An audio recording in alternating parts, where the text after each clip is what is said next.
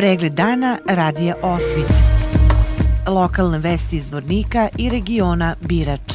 Pratite pregled dana za 17. januar 2024. godine.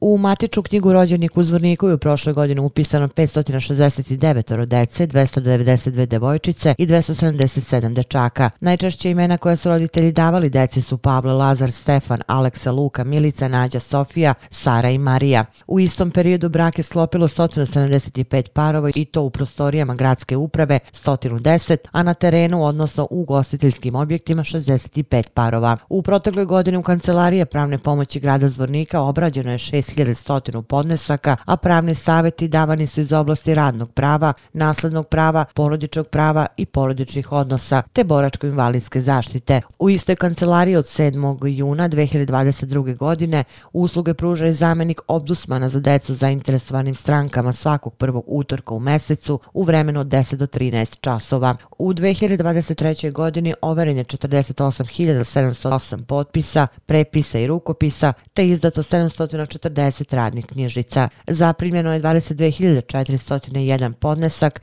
te arhiviran 13.951 predmet. Sud Bosne i Hercegovine vratio je na doradu optužnicu protiv šestorice visokih zvaničnika i pripadnika zvorničke brigade koji se terete da su u julu 95. godine počinili genocid. Iz tužilaštva BiH su potvrdili da je optužnica vraćena na uređenje i da će u datom zakonskom roku biti podneta na potvrđivanje sudu. Za genocid počinjen u julu 95. godine u Srebrenici osumnjičeni su Lazar Ristić, Mladen Mihajlović, Sretan Milošević, Drago Ivanović te stanoje i Milorad Birčaković. U optužnici se navodi da su optuženi učestvovali u zarobljavanju i prisilnom zatvaranju više od 800 bošnjačkih muškaraca i dečaka u fiskulturnu salu škole Grbavci u Orahovcu, te operaciji transporta zarobljenika na mesto streljanja na lokalitetima u blizini škole, gde je streljano više od 800 žrtava, a tela žrtava pomoću mehanizacije ukopavana u dve masovne grobnice, stoji u saopštenju tužilaštva BiH. Sredinom decembra 2023. godine sud BiH je odredio pritvor sumnjičenom Sretanu Miloševiću, dok su za ostala lica određene mere zabrane. Stano je Milorad Birčaković su bivše pripadnice vojne policije Zvorničke brigade Vojske Republike Srpske i bili su svedoci na haškim suđenjima za genocid i druge zločine počinjene u Srebrenici.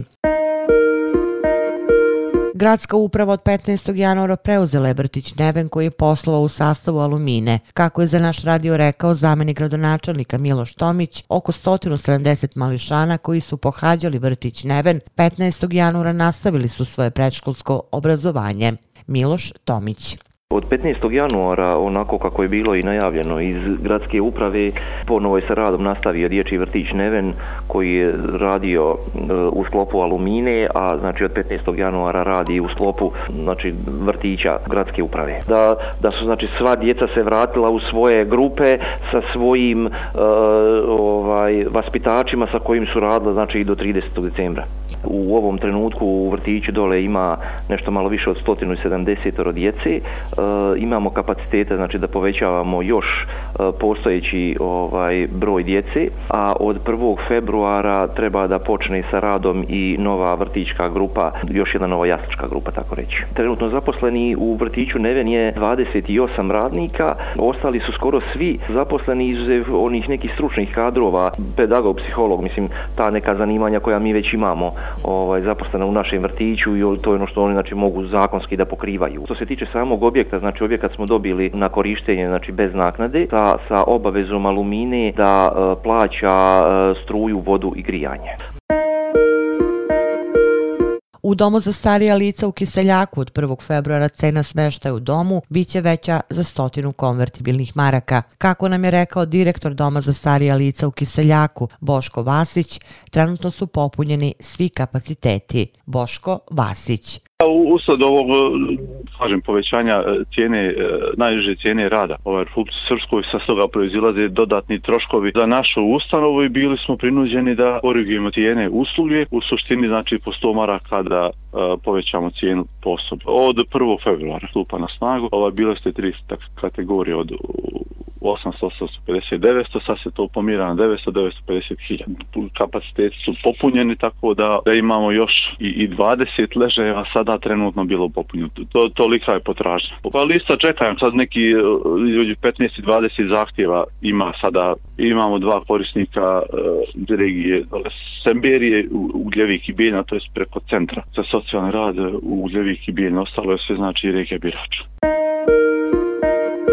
U sportskom centru u Milićima 15. januara počeo je memorialni turnir Sloboda Radovanović u malom futbalu. Prijavljeno je ukupno 10 ekipa, polufinalni i finalni mečevi odigraće se u četvrtak 18. januara. Načelnik opštine Milići Marko Savić izjavio je da se ovim turnirom oživljava uspomena na jednog velikog čoveka, sportskog radnika i privrednika. Opština Milić izdvojila je 5000 maraka za organizaciju ovog turnira, a nagradni fond turnira je 3500 konvertibilnih maraka maraka. Za osvojeno prvo mesto nagrada je 2000 maraka, za drugo mesto 1000 maraka, a za treće mesto 500 maraka. Obezbeđene su nagrade za najboljeg strelca, golmana i igrača turnira.